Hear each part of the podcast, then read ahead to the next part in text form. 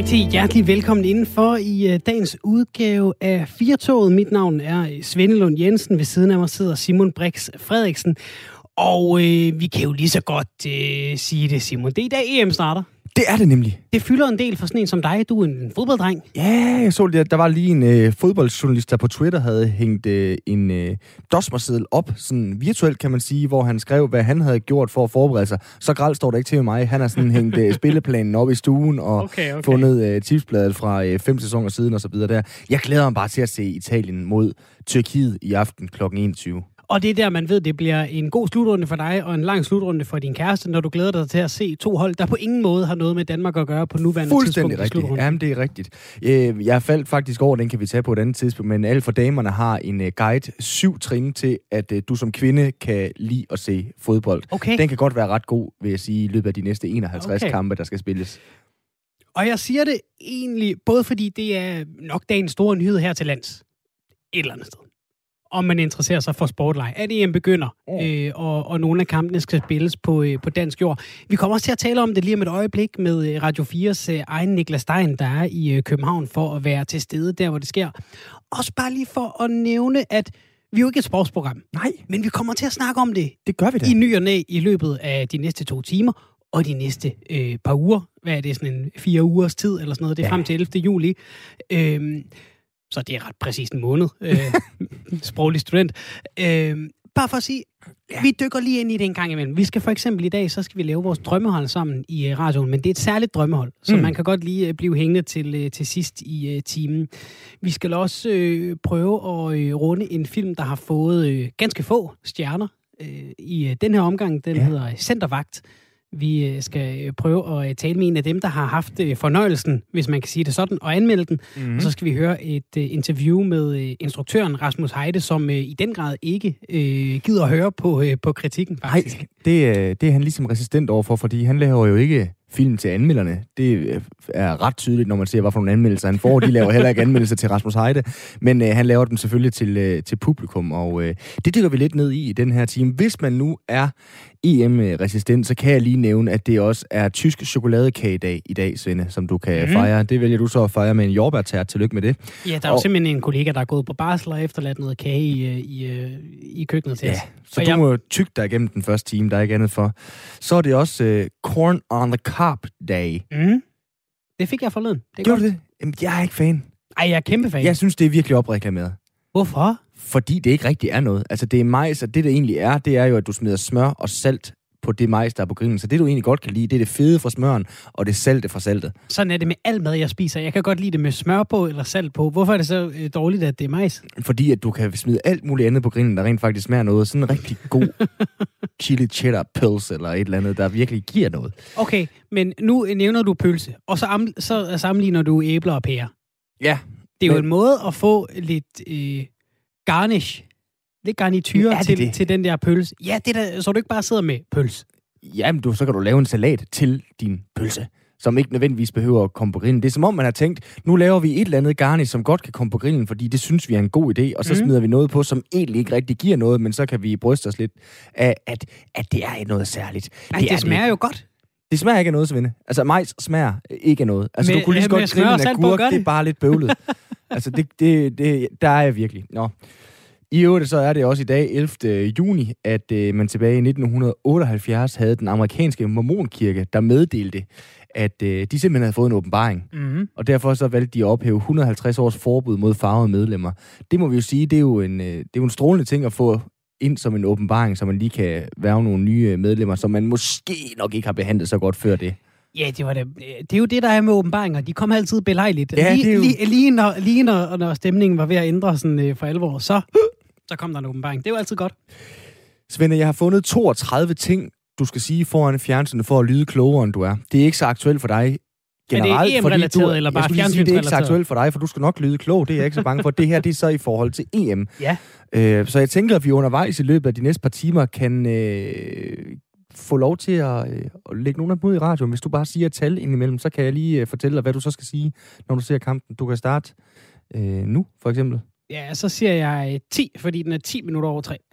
Ungarn, de øh, var gået videre fra gruppe F foran Tyskland, Frankrig og Portugal, hvis Dominik Soboschai havde været for uden sin skade. Det er ret hipstagtigt at sige. Ja, det er det. Og også, altså, det er jo spekulerende, ikke? Fordi, hvad, altså... Men det er jo der, ved man det? Nej, det gør man jo ikke. Det er jo hypotetisk, ven. Okay. Det er derfor, du kommer til at se lidt klog ud. det er godt. Vi skal prøve at øh, lyde kloge, også når vi ikke griber ned i øh, hatten med øh, EM Facts. Rigtig hjertelig velkommen indenfor i dagens øh, udgave af Firtoget. Og vi starter lige med øh, EM, fordi det er jo øh, dagen i dag. Danmark spiller godt nok først i morgen mod øh, Finland kl. 18, men øh, EM åbner den 11. juni i dag, 2021, selvom det er altså slutrunden, der hedder 2020. Vi ved jo godt hvorfor, at øh, det er sådan, der kom lige en, øh, en pandemi i, øh, i vejen. Selv i toget, der øh, sad folk med aviserne bladret op på oversigter, da jeg tog turen herned, Svende, over kampe, spillere, artikler, og det var folk i alle aldre. Altså, der er virkelig ved at blive gjort klar til den her øh, slutrunde, og øh, så kan jeg jo næsten ikke tør tænke på, hvordan det er foran parken, hvor du er, Niklas Stein, sportsreporter på Radio 4. Velkommen til. Tak skal du have. Hvordan ser det ud derovre? Jamen, øh, det ser bedre ud, vil jeg lige starte med at sige, fordi jeg var, øh, jeg var hårdere, jeg, jeg tog enormt tidligt over, alt for tidligt over. Jeg havde en gennemstilling til vores morgenflod i morges, hvor at, øh, jeg tog plads lige her, hvor jeg også står nu, i Fældeparken, lige ved siden af parken hvor det altså kommer til at gå for sig i morgen øh, med Danmarks første slutrundekamp, og der var meget stille til morgen. Jeg var lidt skuffet. nu er der liv, lidt mere liv, og jeg har da spottet de første par landsholdstrøjer, og der er den her nok så famøse øh, Citron, tror jeg, jeg vil kalde den. Mm. Øh, det er ikke sådan helt full-blown EM-feber, øh, slet ikke. Men sådan sit sådan lidt dagen for dagen, som det jo er i, i, i hvad hedder det, sådan i danske EM-termer, for det er jo først, altså selve EM starter jo i dag, men det er først i, Dan, i morgen Danmark kommer i gang. Så øh, jeg melder om en EM Citron her på København. det, det er godt, Niklas. Fordi vi må også være ærlige at sige, at lyden er simpelthen så god på dig, at det nærmest lyder, som om du sidder på et bibliotek. Det gør du ikke, vel? Det gør jeg dog ikke. Dog okay. ikke. Øh, jeg har lige prøvet at finde et øh, roligt spot. Jeg kan godt gå over og prøve at mænge mig med lidt bedre Det er jo det gode ved at lave radio, det er, at vi får god lyd. Vi skal jo have lidt fornemmelsen af, af citron. Hvor meget sker der egentlig i dag? Som du selv siger, så er det jo egentlig dagen før dagen for øh, de danske hold. Det danske hold. Ja, præcis. Altså, der sker jo... Øh, som sagt, da jeg kom, der var der var bumstille. Øh, nu, nu er der sådan en... Øh, I kan nok ikke høre det hos jer, men sådan en, en, øh, en rumlen, tror jeg, jeg vil kalde det, inden fra parken. Øh, mm. Der går nogle folk med de her øh, sådan volunteer badges, og der er nogen, der, der flytter på nogle paller og sådan lidt forskelligt. Så, så altså, man kan godt se, at øh, det kan man selvfølgelig også regne ud, ud fra de banner. Der er jo store UEFA Euro 2020 banner hængende ud over hele parken. Øh, men, men på nær det, så kan man godt se, at det ikke er det er ikke et almindeligt dansk Superliga-maskineri, der er i gang lige nu. Det er jo, det er UEFA-maskinen, der, der, der er kommet til København. Så, øh, men, men, og så igen, det virker heller ikke som om, de er enormt meget travlt. Så, så det, det, det, det er sådan meget, meget fint i forhold til, at, at det er i morgen, det går løs. Hvor meget, her, her hvor meget ved du om, hvad der konkret skal, skal ske lige omkring Fælledparken, øh, Niklas? Også i forhold til coronarestriktioner? Ja, jeg ved, at der er en, der er en fanzone umiddelbart nærhed af, af, hvad hedder det, parken, men ellers så, så bliver det jo mere hen omkring Ophelia-pladsen, uh, Ophelia Beach, at, at uh, det helt store fyrværkeri bliver sat i værks her i København.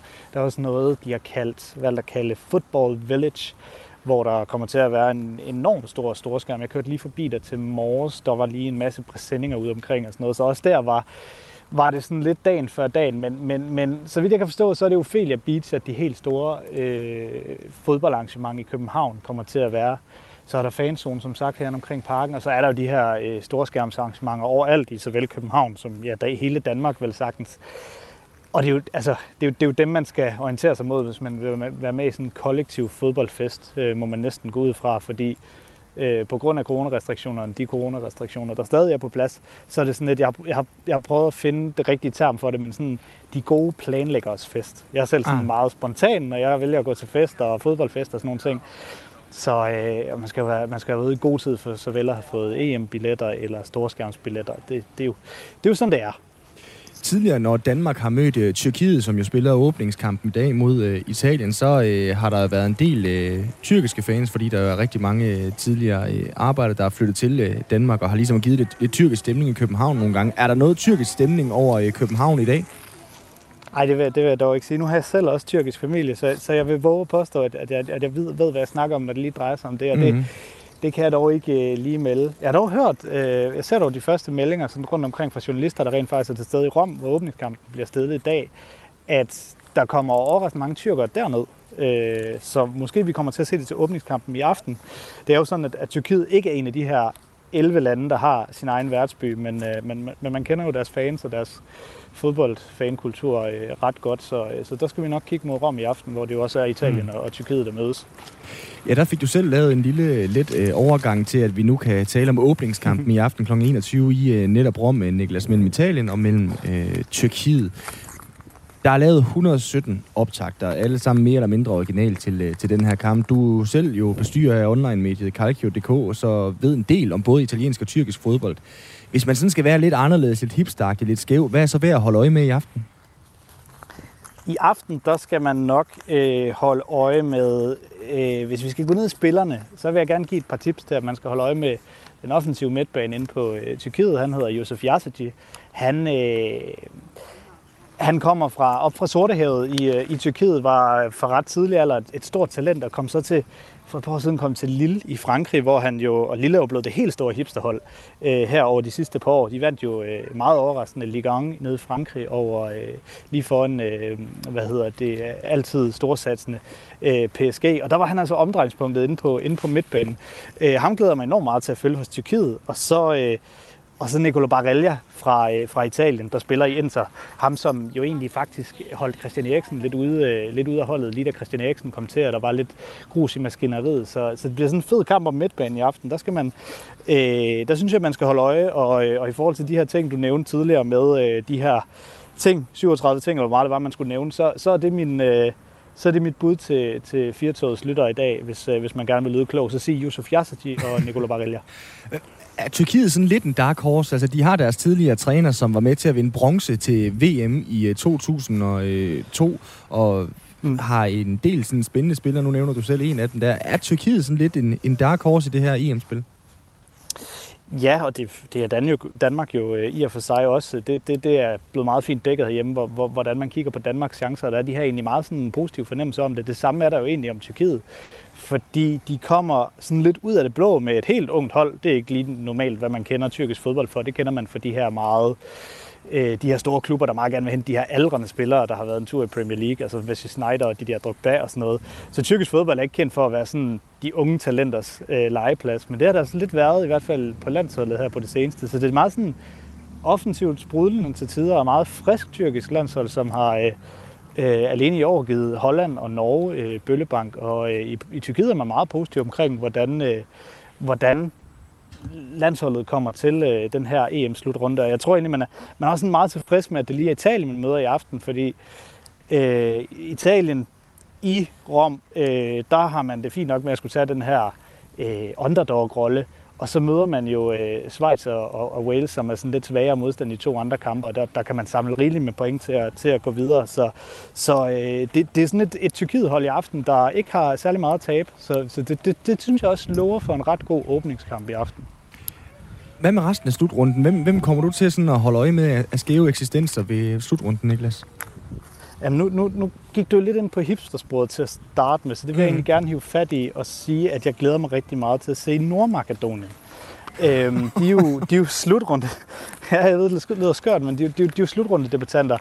Og øhm, kvalificerede sig jo via det her sådan lidt, øh, lidt kuriøse Nations League øh, og fik deres EM-billet den vej igennem. Men det er egentlig et meget sjovt hold, der kommer. Altså, de kommer med ham her, det er nok, altså det, det kunne sagtens være kultspilleren over dem alle til det her EM, Gordon Pandev, som har haft en rigtig, rigtig flot karriere i, uh, i Italien, hvor han har været i Lazio og Napoli og Inter, og nu spiller han så i, uh, i Genoa. Han er efterhånden blevet 37 år. Det er første gang, han kommer til at skulle spille på den her scene øh, i forhold til landsholdsfodbold. Det er første gang, Nordmakedonien kommer til at spille øh, på den her scene ham har de som der store, øh, hvad skal man sige, talisman, og så har de også øh, et ungt talent i Alef Elmas, der også spiller i Italien, og, øh, og en Alioski, der spiller i, øh, i Premier League. Det synes jeg er et sjovt hold. Et hold, jeg glæder mig helt vildt, jeg aner ikke, hvad jeg skal forvente af dem, jeg glæder mig helt vildt meget til at se dem.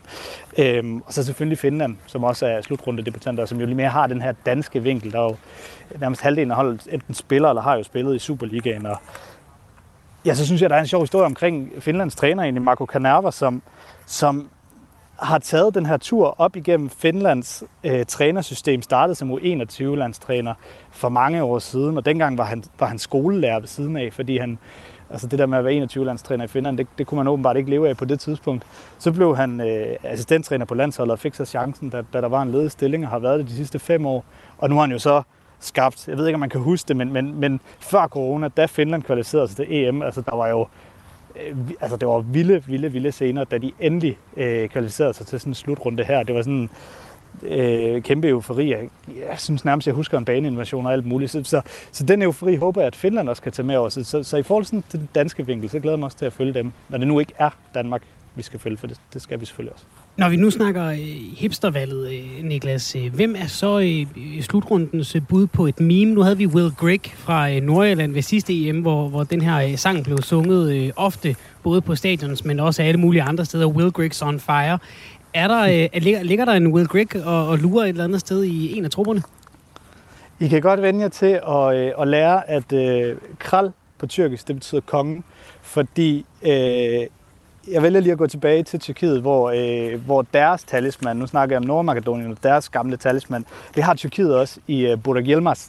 Øh, 35 år er ud af det blå øh, blevet en kæmpe stjerne i, øh, i Frankrig i år. Han, han har spillet nærmest hele sin karriere i Tyrkiet, øh, var god, da han var 29 eller sådan noget. Så blev han solgt til Kina, og så regnede man jo sådan lidt med, det var det. Kom tilbage til Tyrkiet, blev ud af blå, solgt til Lille, øh, det hold jeg nævnte tidligere, øh, sidste sommer, og, og har været topscorer for dem og gjort dem til, til, til en kæmpe overraskelse i Frankrig. Han er en kæmpe stjerne i, øh, i Tyrkiet, og han bliver bare kaldt Kral, altså kongen.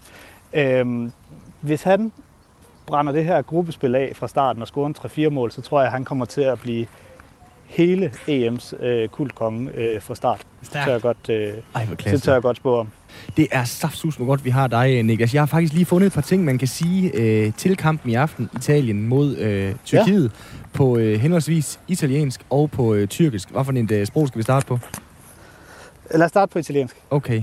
Man skal sige, uh, basta costrizione dal basso, spaziamo. Det betyder, uh, du skal ikke spille den ud ned bagfra, I skal sparke den uh, langt. Italienerne, de uh, er vist over det der catenaccio. Så har der også en tyrkisk en, den har jeg virkelig glædet mig til at sige til dig, uh, Niklas. Eten du var ordu. Det betyder en væg af kød det er deres øh, svar på at parkere bussen, som okay. Ove Pedersen gjorde populært. Det synes jeg virkelig, det kan noget. Så hvis øh, I ser kampen i aften, den er 0-0, så er det altså bare med at sige, Eten, du var ordo. Det var en kæmpe klump kød, der var i de her to øh, kampe. Og så kan du bruge den, når du skal ud og have noget at spise efter kampen. Så kan det være, du kan få en, øh, en rulle af en eller anden slags med hjem, Niklas. Det tror jeg, jeg skal have. Jeg skal ud og have noget at spise nu, så, så det var, det var fremragende inspiration. Tusind tak, fordi du var med, Niklas. Selv tak. Altså Niklas Stein, sportsreporter på øh, Radio 4. Åh, oh, jeg trykkede på en knap, der ikke virkede. Oh. Sådan, ja, lækkert lavet. Nu, øh, mix, mix, mix. Ja, man kan sige, vi, vi håber på gode anmeldelser til øh, aftenens åbningskamp, også selvom Danmark ikke øh, er med. Mm. Øh, vi skal snakke anmeldelser nu, nemlig også øh, Svende tokrummende plat og ligegyldig, kalder øh, BT den nemlig, og øh, Jyllandsposten skriver, at der er overhovedet ikke noget at grine af, mens Ekstrabladet, de går hele vejen og udråber den som den dårligste film nogensinde. Det er øh, naturligvis, fristes jeg til at sige, Rasmus Heides centervagt med Rune Klan i hovedrollen, der lige nu høster ja, mellem 0 og 1 stjerne i de danske medier, og øh, nu har vi så øh, ringet til dig, Nana Frank Rasmussen. Velkommen til. Tak skal du have. Du er filmanmelder på Politiken, og du har ikke kaldt Centervagt for den dårligste danske film nogensinde. Du nøjes med at kalde den for århundredes dårligste danske film. Det er jo også en præstation. ja. Prøv lige at fortælle os her til at starte. Hvordan er det at sidde sådan i biografmørket, rent professionelt, øh, måske med en, med en notesblok, og ikke kunne finde et eneste lyspunkt? Jamen altså, det er da ikke et øh, drømmescenarie øh, vil jeg da sige. Fordi at man håber jo altid, når man går i biografen, at man ser noget godt og noget, øh, øh, der får en til at grine, når man går ind og ser en komedie for eksempel. Så derfor så er det jo så ærgerligt, når de der grin, de, de bare sidder fast i halsen og aldrig rigtig øh, kommer ud. Og vi, vi behøver ikke at dykke øh, specifikt ned i den her film, den er blevet dækket øh, rigtig meget, men bare lige for lige at, at tegne et, øh, et, et, et kort lille øh, oprids af, hvorfor er det lige præcis, den her film er så dårlig, øh, Nana, inden vi dykker videre ned i livet som anmelder? Ja, altså øhm, øh, som de fleste jo også har skrevet, så er den simpelthen ikke morsom, og, øh, og det er jo lidt katastrofalt, når man laver en komedie. Derudover så altså timingen på jokesene er virkelig dårlig. Selve jokesene er øh, platte og ikke morsomme. Øh, skuespillet er ikke specielt godt. Øh, der er en masse ubeslutsomhed i manuskriptet. Den er filmet øh, temmelig grimt. Altså det ligner nærmest en reklame, øh, en reklamefilm for Biva eller noget den du Altså det er simpelthen hele vejen rundt, at det er fejlet. Øhm, så det handler altså ikke om, at man ikke bare lige deler humor med instruktøren, øhm, men, men også om alle de andre ting, som jo gerne skal løfte en film. Ikke? Og der, dermed svarer du også lidt på det der spørgsmål med, at, at Rasmus Heides film jo har for vane at sælge mange billetter. Øh, mm-hmm. så, så, så der ligger jo det der spørgsmål, der lurer, nå okay, så anmelderne på Storbyaviserne, de kunne ikke lide den øh, øvebøv, det, det går nok, men det er simpelthen ikke, altså, det er ikke, det er ikke øh, øh, smagsdommeri, det her. Altså, øh, filmkritik er selvfølgelig et smagsdommeri også, men vi laver jo også en faglig vurdering af det mm. produkt, vi sidder overfor, ikke? Øhm, så det er jo ikke bare sådan en, øh, vi uddeler jo ikke stjerner eller hjerter ud efter sådan vores mavefornemmelser. Vi gør det jo baseret på en faglig, øh, et fagligt fundament. Øh, så for at svare på dit spørgsmål, nej, det er ikke bare en snobbet øh, øh, humorforladte øh, anmelder i Københavns der ikke kan se øh, det begavet i den her film. Mm. Altså, og, og der er jo også masservis af øh, almindelige gåseøjne mennesker, øh, altså brugere, som øh, jo allerede har skrevet, hvor forfærdelig filmen var på de diverse øh, sociale medier og så videre. Så, øhm, men altså selvfølgelig, hvis, altså, der er jo også mange, der spiser McDonald's. Det gør jeg da også selv, når jeg tømmer mænd. Ikke? Altså, det, det, er jo ikke... Det, derfor kan folk jo godt gå ind og se den, selvom mm. at, at vi står der og råber, at den er, det skal de lade være med at bruge deres penge på. Og øh, du har jo så været inde og set den i, i arbejdsøje med, og hvis vi lige skal vende tilbage til mm. det her med at, at sidde som anmelder, og, øh, og det går for en, hold op, det, den bliver lang, den her halvanden time. Hvordan overlever ja. man som anmelder, når man sidder der, og det går op for en? Huh, den er hård, den her. Jamen, Ja, men altså, der er man jo bare professionel, når man er på arbejde. Det er ens job at sidde der. Øhm, altså, jeg tror, i lige det her tilfælde, der sad jeg hele tiden og ventede på, at det sjove ville komme, fordi øhm, jeg har en ret plat humor, og øh, jeg synes, det er sjovt, at folk falder en bananskrald. Øh, og, øh, og det er sådan noget, den sådan slags kropskomik, som, som Heide også har dyrket før, en lille smule i hvert fald. Øh, så, så jeg tror mere, at jeg var sådan forundret over, at jeg simpelthen ikke kunne finde noget at grine af. Altså det, det var virkelig øhm, ja, en mærkelig oplevelse. og øh, det var så måske til gengæld lidt sjovt at skrive om efterfølgende. Mm. Ikke? Men, øhm, og jeg synes i øvrigt, altså, man kan jo se, at det er jo ikke fordi, at, øh, at danske filmkritikere ikke har humor. Man skal bare læse de sjove anmeldelser, der er kommet af filmen nu her. Hvis det er det, man bruger som argument imod os. Men et eller andet sted, øh, Nana, hvordan fungerer det rent uh, lavpraktisk i løbet af sådan en, uh, ja, nu var den en time og 25 minutter, den her mm. uh, film, som uh, selvfølgelig måske ikke har været de sjoveste rent uh, arbejdsmæssigt, som du selv siger, men mere bagefter at skrive det. Hvordan fungerer det? Sidder du et kvarter i gang og tænker, nu har jeg sat tre minuser, eller nu har jeg sat uh, flueben ud for to dårlige jokes. Hvordan ender du på så dårlig en, øh, en anmeldelse undervejs? Er den, altså, hvordan bygger du det op, kan man sige? Ja, men det er jo ikke sådan, jeg sidder jo ikke efter et kvarter og siger, yes, den skal have, øh, jeg ved præcis, hvad den skal have mm. hjerter. Altså, det, det øh, skal man jo se hele filmen færdig for, trods alt. Ikke? Det er jo Klar. en del af det professionelle game. Øhm, Øhm, jamen altså, øh, jeg tror, jeg sad og tænkte, om der var noget galt med fremviseren, fordi jeg synes, den var så grim øh, at se på. Og sådan, altså, sådan, så kommer man til at sidde og tænke på nogle tekniske ting, måske. Øhm, altså, så drifter, sådan, altså vandrer tankerne måske mod mere sådan, praktiske ting. Ikke? Øhm, og så er det jo først, når man sætter sig og skriver og, og går ligesom alle sine argumenter igennem, at, at man kommer frem til, det her, det kan man ikke trække mere end, end et hjerte, som det så blev i mit tilfælde, altså i det her tilfælde for mig. Og når du så kommer ud af biografen, fordi hvis jeg skal anmelde et eller andet, en restaurant eller sådan noget, så gør jeg det som mm. regel, altså i hvert fald hvis jeg, hvis jeg skal sætte ord på det, så er det som regel, hvis det har været en dårlig oplevelse, så er jeg sådan helt vred, mm. åh, mm. oh, det skal jeg fortælle nogen om det her. Ja. Øhm, er, du også, mm. er, er, du også vred, når du går ud efter at, at, have, at have brugt sådan en halvanden mm. time, hvor du bare sådan, det, det var simpelthen noget lort, de præsenterede mig for, det kan de ikke være bekendt? Øh, ja, det kan jeg godt være. I lige det her tilfælde, der var jeg faktisk en lille smule sådan, øh, chokeret. Altså, jeg var mere bare sådan, undskyld, var, var, det, altså, var det meningen, at det skulle være så dårligt? Ikke? Fordi nogle gange kan man jo godt tænke, øhm, altså, er det også for at give sådan en fuckfinger til alle anmelderne? Fordi han plejer at sælge mange billetter, og nu ser vi, hvor langt, hvor lavt vi kan gå og samtidig sælge billetter. Altså ligger der en eller anden bestandig pointe i det. Øhm, mm. Altså det var sådan nogle tanker, jeg gik ud med. Og så, øhm, men, så jeg vil sige, jeg var ikke, sådan, jeg var ikke sur. Altså jeg var måske mere skuffet. og det lyder som, at mor, mor er ikke sur, mor er skuffet. Mm. Men altså, øh, men, men man bliver jo fandme lidt trist på, på dansk komediefilms vegne, når man ser det her. Det kan man selvfølgelig ikke andet end at blive, men, men, men bred var jeg ikke, fordi det er jo... Ja, altså, det er jo, og sådan er det. Vi får penge for at gå ind og se film. Altså, det, det er svært at blive sådan rigtig vred. Mm. Og så skal du så også hjem og skrive en anmeldelse, hvis jeg skal bruge mig selv som eksempel igen. Så når jeg skal hjem mm. og skrive sådan en sur anmeldelse, så får jeg typisk talt mig selv lidt ned, når jeg skal sætte det ned på skrift, fordi ah, det lyder også for hårdt. Hvordan, hvordan ja. var det at skrive sådan en negativ anmeldelse? Er det i virkeligheden øh, øh, nogle gange, det sagde du, var du også lidt inde på før, er det sjovere end at, end at skrive mm. en rigtig god en? Altså jeg vil sige, det er nemmere øh, at skrive øh, i yderpunkterne. Altså mm. det vil sige, når det er rigtig dårligt eller rigtig godt.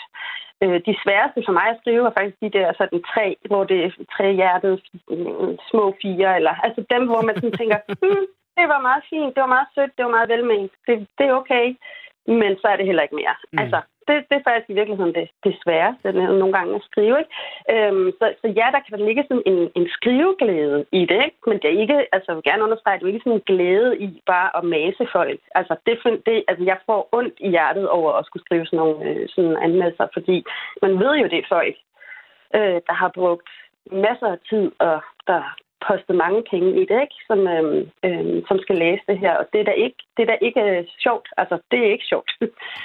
Øhm, så, men du spørger om det der med, at man skyder sig op eller ned, at det, det er meget forskelligt. Altså, øhm, men det er klart, at man kan da blive grebet nogle gange af en stemning, men der synes jeg, at det er meget vigtigt, at man som professionel anmelder lige, sådan, lige øh, trækker ved og træder lige væk og går ud og laver en kop kaffe, eller ryger en smøg, eller hvad det nu end kan være, og går tilbage til det og ser, at det her i orden, eller spørger sådan redigerende eller redaktør, altså at få nogle andre øjne på, ikke? fordi det netop ikke handler om bare at smadre nogen derude, det slet ikke øh, er nogen, men det handler jo om at advare mod altså spild af tid.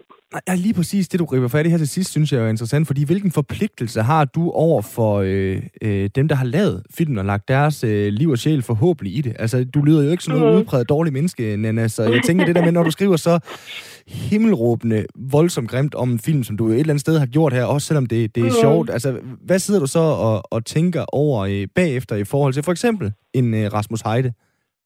Jamen, det er brutalt, det er det, men det er ikke min opgave at skrive til Rasmus mm. Heide. Det er min opgave at skrive til læserne, mine læsere. Øh, og de læsere, de øh, vil, man kan så indvende om politikken segmentet, nogen vil gå ind og se en Rasmus Heide-film, som, som det der sikkert nogen, der vil kunne sige. Øh, men det kan jo også være interessant rent sådan, kulturelt, altså som kulturelt produkt. Hvad er det, der bliver postet penge i? Der, mm. altså, der er jo nogen, det, det er jo smadret dyrt at lave en film, ikke? Så der er nogen, der har brugt rigtig, rigtig mange penge på at lave en film. Øhm, Danske Filminstitut har givet over 600.000 kroner til at lancere den øh, i biografen. Altså, der, der er brugt mange penge på det her. Så derfor skal man også forholde sig kritisk til det, og øh, det skal man gøre uagtet, at der sidder nogen og bliver ked af det. Og det er selvfølgelig ikke særlig rart. Og man gør det ikke, for at folk bliver ked af det, men man gør det, fordi at det skal betyde noget, når man bruger så mange penge på, på film. Og det er jo nogle, øh, nogle rigtig gode øh, pointer, Anna Frank. Jeg vil stadigvæk godt lige lave et lille skuespil med dig. Nu øh, er du nede ja. og handle i Netto i eftermiddag. Du skal lige købe ja. ind til lidt uh, sen aftensmad. Så møder du Rasmus Heide dernede, og han, han står på den anden side af mælkekølen og skuler lidt. Det er sådan, nu jeg er Rasmus Heide. Hvad siger du ja. så til mig? Så tror jeg bare, at jeg siger hej og går videre. Og hvis, han vil, og hvis han vil snakke, så er det fint, og hvis han ikke vil, så er det også helt forståeligt. Nana Frank, du skal have tusind tak for, at du gad at snakke med os nu. Det var en fornøjelse. Mhm, det var så lidt. Det var så lidt. Filmanmelder hos øh, Politiken. Øh, Simon, inden vi øh, går videre, så vil jeg godt lige læse en mere øh, op øh, af de her øh, anmelderoverskrifter. Det er Berlingske, de skrev, ny dansk komedie er lige så sjov som at vælge på sin cykel med ansigtet først på grus. Nå, men... Skal du se den? Jeg kan godt se den. Nej, skal øh, du se den? Nå, men jeg skal se den. Man er næsten nødt til det. Ja, det kan også være, for sådan lidt lyst til det. Jeg tror, jeg venter til DVD'en.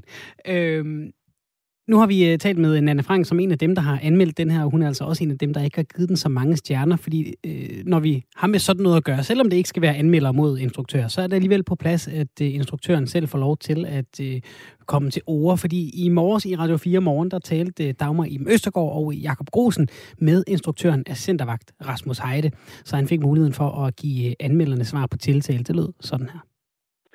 Om nu er det jo så heldigt, at komedier, det er jo ikke noget, der skal som indlede en dialog nødvendigvis mellem øh, anmelderne og mig, at det er jo heldigvis noget, der, øh, der skal ske i biografshal mellem øh, filmen og, og sit publikum. Og det, det er da helt rigtigt, at det vil altid være sjovest, hvis, øh, hvis, øh, hvis øh, anmelderne også gad at kaste lidt stjerner efter komedien. Men øh, det, det er de ikke så vilde med. Jeg vil så sige, øh, lige nu kan det simpelthen ikke overskygge den øh, glæde, man, man oplever som instruktør. Når man lige har været i biografen med en fyldt sal, og se 400 publikum og knække sammen af grin på fuldstændig de rigtige steder. Det er jo det, man glæder sig til efter to års arbejde med sådan en film. Lad os lige øh, høre, hvad den handler om, øh, Centervagt, for de lytter, der ikke har fået den set endnu. Nu havde den premiere i går. Jamen, den, den handler om en, øh, en centervagt, der er heldig forelsket i sin kollega, og har store problemer med at, at være ærlig omkring sine følelser og få det sagt. Og for så at komplicere det hele, så er det her center selvfølgelig under øh, økonomisk pres og skal til at lukke, og derfor skal der fyres en vagt. Og hvordan beholder man så sit job? Det gør man ved at begynde at stjæle sit eget center, fordi så er der brug for sikkerhed. Så det er jo en, øh, det er jo en dejlig stærk øh, komediepræmis, og meget simpel. Og det bruger man jo i den her genre til ligesom at lave et, et dramaturgisk skelet, som man så ellers kan mose jokes ind, så de ligger tæt hele filmen igennem. Det er komikeren øh, Rune Klan, der har hovedrollen. Andre øh, ja. medvirkende navne er Josefine Park, Stefania Potalivo og Nikolaj Stockholm. Og hvis man så kigger på øh, de konkrete sådan, øh, stjerner, der er blevet drysset øh, ud over, eller ikke blevet drysset ud over øh, din film, Rasmus Heide, så øh, kommer der 0 stjerner fra Ekstrabladet. Der bliver givet en i BT, en i Politikken, en i Berlingske, og filmmagasinet Eko og Jyllandsposten svinger sig op på to. Men det er, jo, det er jo ret interessant, fordi for eksempel Ekstrabladet nævnte du først nu. Det er jo præcis det samme, som de gav min sidste film, som endte med at blive årets mest sete. Så jeg synes, der, ikke, der, er, der mangler lidt respekt for det publikum, der elsker den her type film. Fordi det er som om, at, at anmelderne lidt har en blind vinkel. Jeg kan simpelthen læse i nogle af anmeldelserne, at de er ikke bekendt med den her komedieform. Det er en helt særlig genre inden for komikken, Hvad som genre? måske mere dyrkes. Jamen, den dyrkes lidt mere i USA, hvor de kalder den slapstick eller crazy comedy. Altså, det er noget, hvor man arbejder i et meget stiliseret univers, og med nogle abstrakte karaktertegninger, der mere hviler på arketyper end sådan fuld tredimensionel karakter af kød og blod. Og det er som om, at, at, at anmelderne går ind og sidder og forventer uh, Virginia Woolf, når de har åbnet en, uh, en sten og stoffer. Det er på ingen måde for at sige, at det ene er bedre end det andet, men man skal selvfølgelig forstå, hvad det er for en genre, vi arbejder i. Jeg hører dig sige her, at du synes, at øh, anmelderne er for elitære. Er det det? Jamen, jamen prøv at høre, lad os lade være med at gøre det til sådan en snak, fordi den, den, den elsker I. Det er slet ikke det, det handler om. Jeg prøver ikke at gøre noget finere eller noget dummere end det er. Vi har bare været igennem et år med corona nu, og jeg tænkte, hvilken film har jeg selv lyst til at se i filmen, eller i biografen? Det er selvfølgelig en komedie, der samler. Der er simpelthen ikke noget, der samler på tværs af skæld, sociale skæld, på tværs af landegrænser og alderstrin, øh, som en komedie, fordi vi alle sammen kan se os selv i det, der sker på lærredet. Altså, vi kan alle sammen se, genkende de følelser, som man bruger som motor i de her komedier. Og det, det, det er sådan en film, jeg synes, vi har brug for lige nu. Jeg synes ikke, det handler om, at vi skal øh, splittes og deles og, og finde noget, som syv, otte toneangivende anmeldere kan lide, fordi så får vi ikke os andre med. Jeg var inde og tjekke, hvad brugerne på Kino.dk har øh, givet filmen. Det er jo sådan øh, en, en, et pejlemærke i forhold til, til, hvad brugerne synes. Der er 52 brugere, der har givet en anmeldelse indtil videre, og der ligger gennemsnittet på 2,2 ud af 6 stjerner. Ja, er, er det, det, harmonerer, det, det harmonerer på ikke. Nej, nu, nu er det ikke sådan lige et, et site, du på den måde kan bruge som, som pejlemærke. Altså, jeg kan kun sige, at den øh, øh, feedback, jeg får, når jeg har været ude og snakket med publikum og været ude i salen, den er fuldstændig fantastisk. Og det er, har jo også noget at gøre med, at hvis du oplever noget, der, der er godt, jamen, så fortæller du det ikke til lige så mange, som hvis, du, hvis, det, hvis det er noget, du ikke kan lide. Og det er jo helt fair, hvis man ikke synes om slapstick, og hvis man ikke synes om screwball comedy. Det er helt fair. Og så skal man endelig fortælle det vidt og bredt. Men, men dem, der kan lide det, de øh, synes heldigvis om det, og det er jo det, jeg, det, jeg kan mærke i biografsalen. Ja, jeg er altså ikke ude på at gøre det unødigt øh, polemisk, Rasmus Heide, men det, når du nævner, at, at det er den reaktion, du får fra salen, så er det jo også en, en reaktion til en premiere på en film. Der, der er altså øh, god nej, stemning nej, til en premiere. Nej, nej, nej, nej, der tager du helt fejl. Nå, okay. altså, øh, jeg, jeg snakker om visninger for en fuldstændig fyldt sal, som, hvor folk bare har købt billet. Den har jo heldigvis haft et par forpremiere, man kunne snige ind til, øh, hvor den har været vist før Danmarks premiere. Og så tager du i øvrigt også fejl ved det andet. Gallaen er altid den værste visning, en film får, for der er salen fyldt med de folk, der har lavet filmen, og branchefolk, som ser meget professionelt på det, der foregår på lærret. Det skal så ikke være nogen hemmelighed, at det er stadigvæk øh, den bedste galla, jeg har oplevet, fordi de kunne heldigvis heller ikke lade være med at grine der. Men det er aldrig gallaen, du skal bruge som pejlemærke, fordi der er det, der er det håndværkere og, og professionelle filmarbejdere, der sidder og bedømmer deres eget værk. Så det er ikke der, man slår sig på lovet mest. Det er det ikke. Jeg vil læse noget op for dig, Rasmus Heide. Du har nok læst det. Det er øh, Ekstrabladets anmelder Henrik Kveitsch, der skriver, der er lavet ufattelig mange elendige film gennem dansk filmhistorie. Alligevel må Rasmus Heide stå bag en eller anden form for rekord ved at have skabt fem af de mindst ambitiøse af slagsen på blot otte år. Gør, gør det ikke lidt ondt? Er det ikke, er det ikke uh, træls?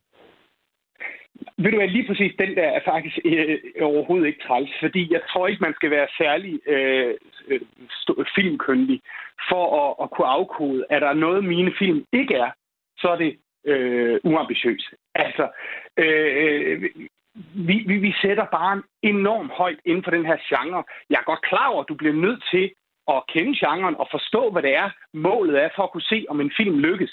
Men, men, men jeg synes, det er voldsomt at sige det der, når, når han snakker om de samme film, som 1,7 millioner danskere har gået i biografen og set, så, så, så tænker man, ja, tog alle de mennesker fejl? Altså, øh, det er jo nogen, som jeg heldigvis deler humor med. Øh, jeg er så heldig at selv befinde mig lige midt i den her målgruppe. På den måde kan man sige, at jeg laver egentlig øh, film til, til et publikum, som jeg selv i den grad er en del af.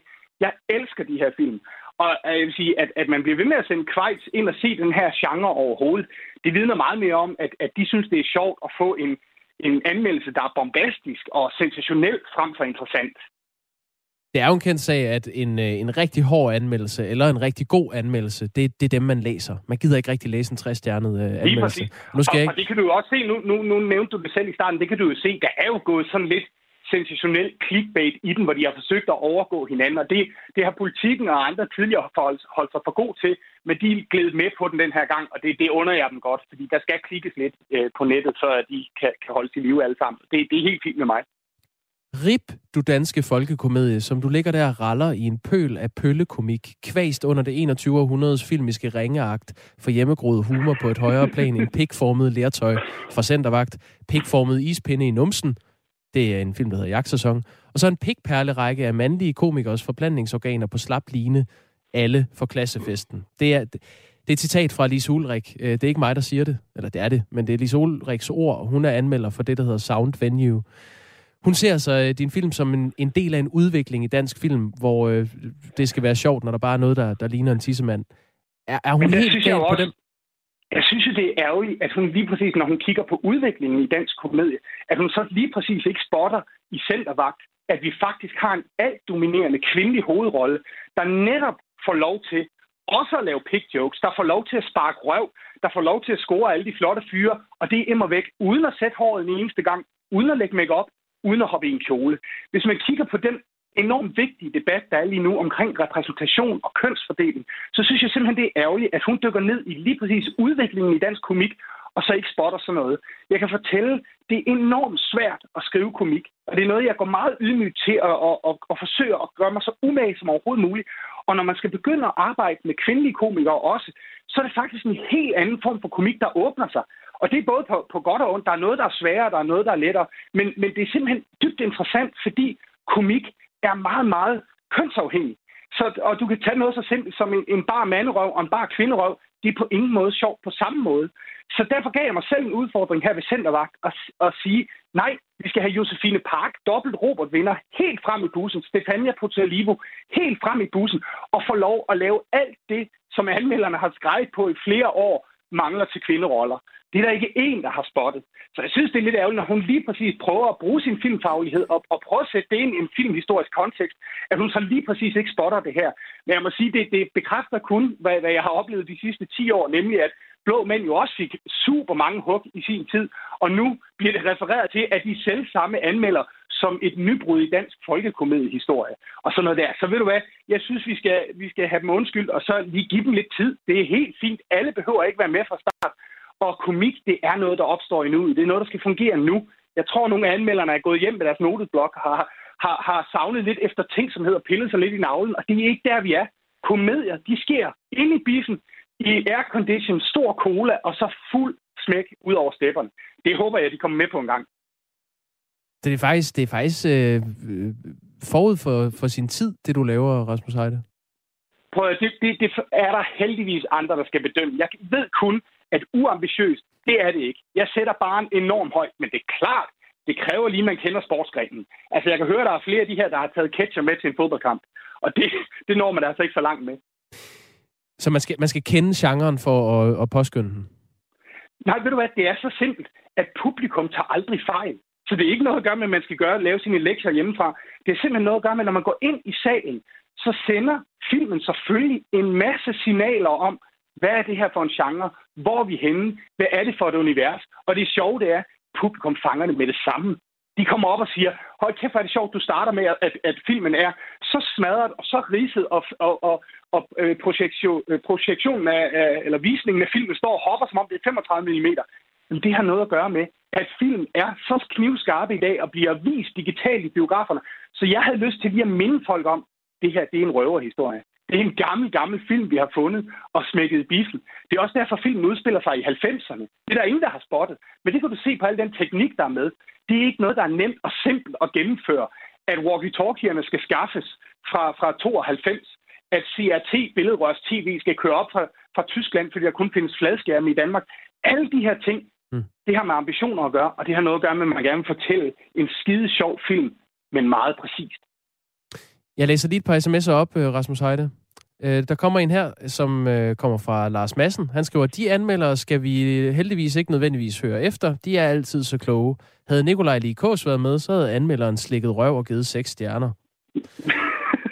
Så er der en her, der skriver, folk, der ikke synes, filmen var god, går jo heller ikke op til instruktøren og fortæller, at det var lort. Han prøver bare at tige sandheden. Han har lavet en utrolig dårlig film. Indrøm det nu bare. Jamen, jeg kan sige så meget, at det ville faktisk være lettere, hvis jeg bare kunne sige det. Øh, men sagen er den, jeg har fået fuldstændig frie hænder. Og jeg har selv skrevet den, og jeg har fået en utrolig opbakning af et fantastisk dygtigt hold. Så der er ingen undskyldning. Jeg har fået lov til at lave præcis den film, som jeg synes er sjov. Og det er så heldigvis øh, oplevet, at, jeg, at der, der, der er mange, der er enige i. Så det, det er jeg selvfølgelig glad og taknemmelig for. Men selvfølgelig, øh, ham, der er sms'et der, han, han har sikkert ikke lyst øh, til at se sådan en film. Og så skal han da ikke gøre det. Det er jo heldigvis frivilligt. Er du, øh, Rasmus Heide, øh, grundlæggende ligeglad med anmeldernes øh, ja, ringeagt for din film, så længe filmen sælger mange billetter? Nej, nej, overhovedet ikke. Altså, det er klart, det er publikum, der bestemmer, om jeg laver flere film. Det er ikke anmelderne. Fordi det, det, på den måde, der er det jo en, en, en forretning, der skal løbe rundt, til trods for, at, at det er ikke derfor, jeg laver det. Altså alle, der arbejder i filmbranchen, kunne, kunne helt sikkert øh, tjene til, til dagen og vejen hurtigere og kortere, hvis man lavede reklamer eller et eller andet. Så det er altid noget, man kaster sig ud i, fordi man har en historie, man mener er relevant lige nu. Øh, og jeg vil da ønske, at alle elskede den selvfølgelig, og at jeg fik både syv og ni stjerner, dem der var skønt. Men øh, hvis jeg skal vælge, så er publikumsdom selvfølgelig den vigtigste. Så jeg sidder der lige nu med krydsede fingre og glæder mig til at høre, øh, hvad, hvad publikum siger her i premiereweekenden. Og der er både, du ved, solskin og, og fodbold, øh, vi skal konkurrere med. Det, det ved vi godt, men øh, forhåbentlig så finder man et tidspunkt, hvor, hvor man har lyst til en kold cola og lidt aircondition, og så håber jeg, at man er klar til et godt grin. Formanden for Danske Biografer hedder Torben Willesen, og øh, han kunne ikke fortælle, hvordan det er gået med premieren på Centervagt i går, men han forventer, at det vil gå den lige så dårligt som andre gode film, der kører i biograferne i øjeblikket på grund af coronarestriktionerne, øh, sagde han. Og så et citat, og unge mennesker, der hellere vil være ude i solen. Sådan sagde han til vores øh, reporter i går. Øh, hvordan forventer du, at Centervagt kommer til at klare sig i biografen? Ja, altså, der er ingen tvivl om, at vi har... Altså, det her det er jo et totalt eksperiment. Alle mine komedier plejer at udkomme i januar, en uge før vinterferien. For der er det mørkt og trist, og så kan man gå ind og se en sjov film, og så lige pludselig så er det vinterferie, og så har alle tid. Så det her det er slet ikke et komedietidspunkt. Det var et forsøg, øh, Nordisk Film spurgte mig, om jeg havde lyst til, hvor jeg sagde, de kunne godt tænke sig at afprøve det, man gør i USA, hvor man lukker en film ud, der ligger i, hen, hen over hele sommeren, og godt nok ikke øh, brager igennem på samme måde, som komedier traditionelt gør, når de åbner, men ligger stille og roligt og tøffer derud af, sådan at der altid er et tilbud hele sommeren. Og det er simpelthen noget at gøre med, at vi er i en periode lige nu, hvor der slet ikke plejer at komme nye, brede danske kommersielle film. Det er faktisk første gang, Nordisk Film prøver det. Og det er, øh, som sagt, efter forbilledet fra USA, hvor de altid trumfer en stor superheltefilm igennem i starten af sommeren, som så heller ikke åbner stort, men til gengæld ligger der rigtig længe, så der altid er et udvalg, et, en ny film til publikum. Og det er det, Centervagt skal være. Den, den mm. skal ligge hele sommeren, så at dem, der har lyst til at gå ind og få et godt grin, dem, der har lyst til at samle vennerne, de kan finde en film, de ikke har set før. Rasmus Heide. Det er altså en uh, film, som har fået uh, mellem 0 og 2 stjerner af anmelderne, og uh, 2,2 inde på kino.dk af, af brugerne, der har givet en anmeldelse. Ja, ja, men den har også fået 4 og 5 stjerner, men det, det er sådan nogle, øh, hvad skal man sige, publikumsblogs og øh, hvad de hedder alt sammen. Altså, der er jo heldigvis en meget, meget flydende grænse mellem, hvem der er etableret anmelder og hvem der ikke er, fordi alt er på nettet i dag. Så, øh, så jeg, jeg er rigtig spændt på, på den store feedback, der forhåbentlig kommer i løbet af næste uge. Tak fordi du var med. Selvfølgelig. Sådan lød det altså, da instruktør af filmen Centervagt, Rasmus Heide, var i Radio 4 morgen for at tale med Dagmar Iben Østergaard og Jakob Grosner med alle de her øh, dårlige anmeldelser. I har også fået nogle sms'er på det, Svende. Ja. Jeg får lyst til at se filmen, ser helst film, som de kloge anmeldere rakker ned. Og så er der Paul BG, der har skrevet på 1424 og skrevet øh, R4 først. Han skriver, hej Radio 4. At høre Rasmus Heide er som at høre Kirsten Birgit vredt argumentere for, at hun har altså humor. Med venlig hilsen, Paul, det kan også noget. Ja, der er jo også nogen, der øh, forsvarer filmen lidt. Øh, Vejlenseren skriver, smag og behag. Har man ikke noget godt at sige, så luk røven. Os, der nød filmen, skal ikke have ødelagt efteroplevelsen af mavesure, deprimerede pøllemennesker, der ikke har noget liv. Og øh, udover at vi måske godt kan, kan, kan, kan debattere øh, tonen, ja, det var egentlig fint nok, men øh, det, der er jo faktisk også en pointe, ikke? Altså, mm-hmm. hvorfor, skal, hvorfor skal jeg komme med min ene stjerne og et sjovt ordspil og ødelægge det for folk, der rent faktisk synes, den var sjov? Du har ret. Ja. Så jeg er glad for, at uh, Vejlenseren uh, nød filmen. Det kan være, at vi skal uh, sætte Vejlenseren og Rasmus Heide sammen. Ja. Så, kan de, så, kan de, uh, så kan de tage en god snak om det. Vi skal til noget, som øh, vil jeg godt garantere har fået bedre anmeldelser end øh, Centervagt. Prøv lige at lytte lidt med her. And now a special look at Marvel Studios original series, Loki. Maybe Loki wants to mix it up. Is that possible? He can change? Hi. This variant is insubordinate, stubborn, unpredictable. He's doing great. You need the god of mischief, but he's really arrogant. I am Loki, and I am burdened with glorious purpose. En af mine favoritkarakterer, øh, er lad os sige, i øh, Marvel superheltunivers, det er øh, Loki, eller Loke, som vi hørte her, i sådan en parafrasering over den nordiske gud, og som jeg ikke er alene om at dele øh, begejstringen for. Blandt andet så er der nogle, øh, hvad skal man sige, ret grafiske billeder, fans har tegnet af ham poledanse omkring sit foretrukne våben, et spyd. Det er nu ikke det, det skal handle om her fordi øh, Tom Hiddlestons karakter, han får, øh, som vi kan høre, hans egen serie på Disney+. Plus. En kæmpe anlagt serie, selvfølgelig, som fik øh, premiere forleden dag. Og øh, det har fået flere til at klappe i hænderne over, at øh, Lokes køn forleden blev offentliggjort i sådan noget marketingsøje øh, med, at det er flydende. Altså, han er hverken mand eller kvinde. Øh, men det vækkede også de lidt mere hardcore fans, som påpegede, at både i tegneserier og i mytologien, der har Loke altså altid været både, citat, søn og datter til far øh, Odin. Spørgsmålet er om Marvels politiske korrekthed. Den er blevet sådan lidt woke. Det kan vi jo spørge dig om, William Eising. Velkommen til. Jo, tak. Ja, undskyld, jeg må lige starte med at sige, nej, men helt seriøst. Jeg har det sgu ikke så godt, dreng. Øh, jeg sidder herhjemme og har feber. Det var da trist. Jeg har EM-feber. Ja da.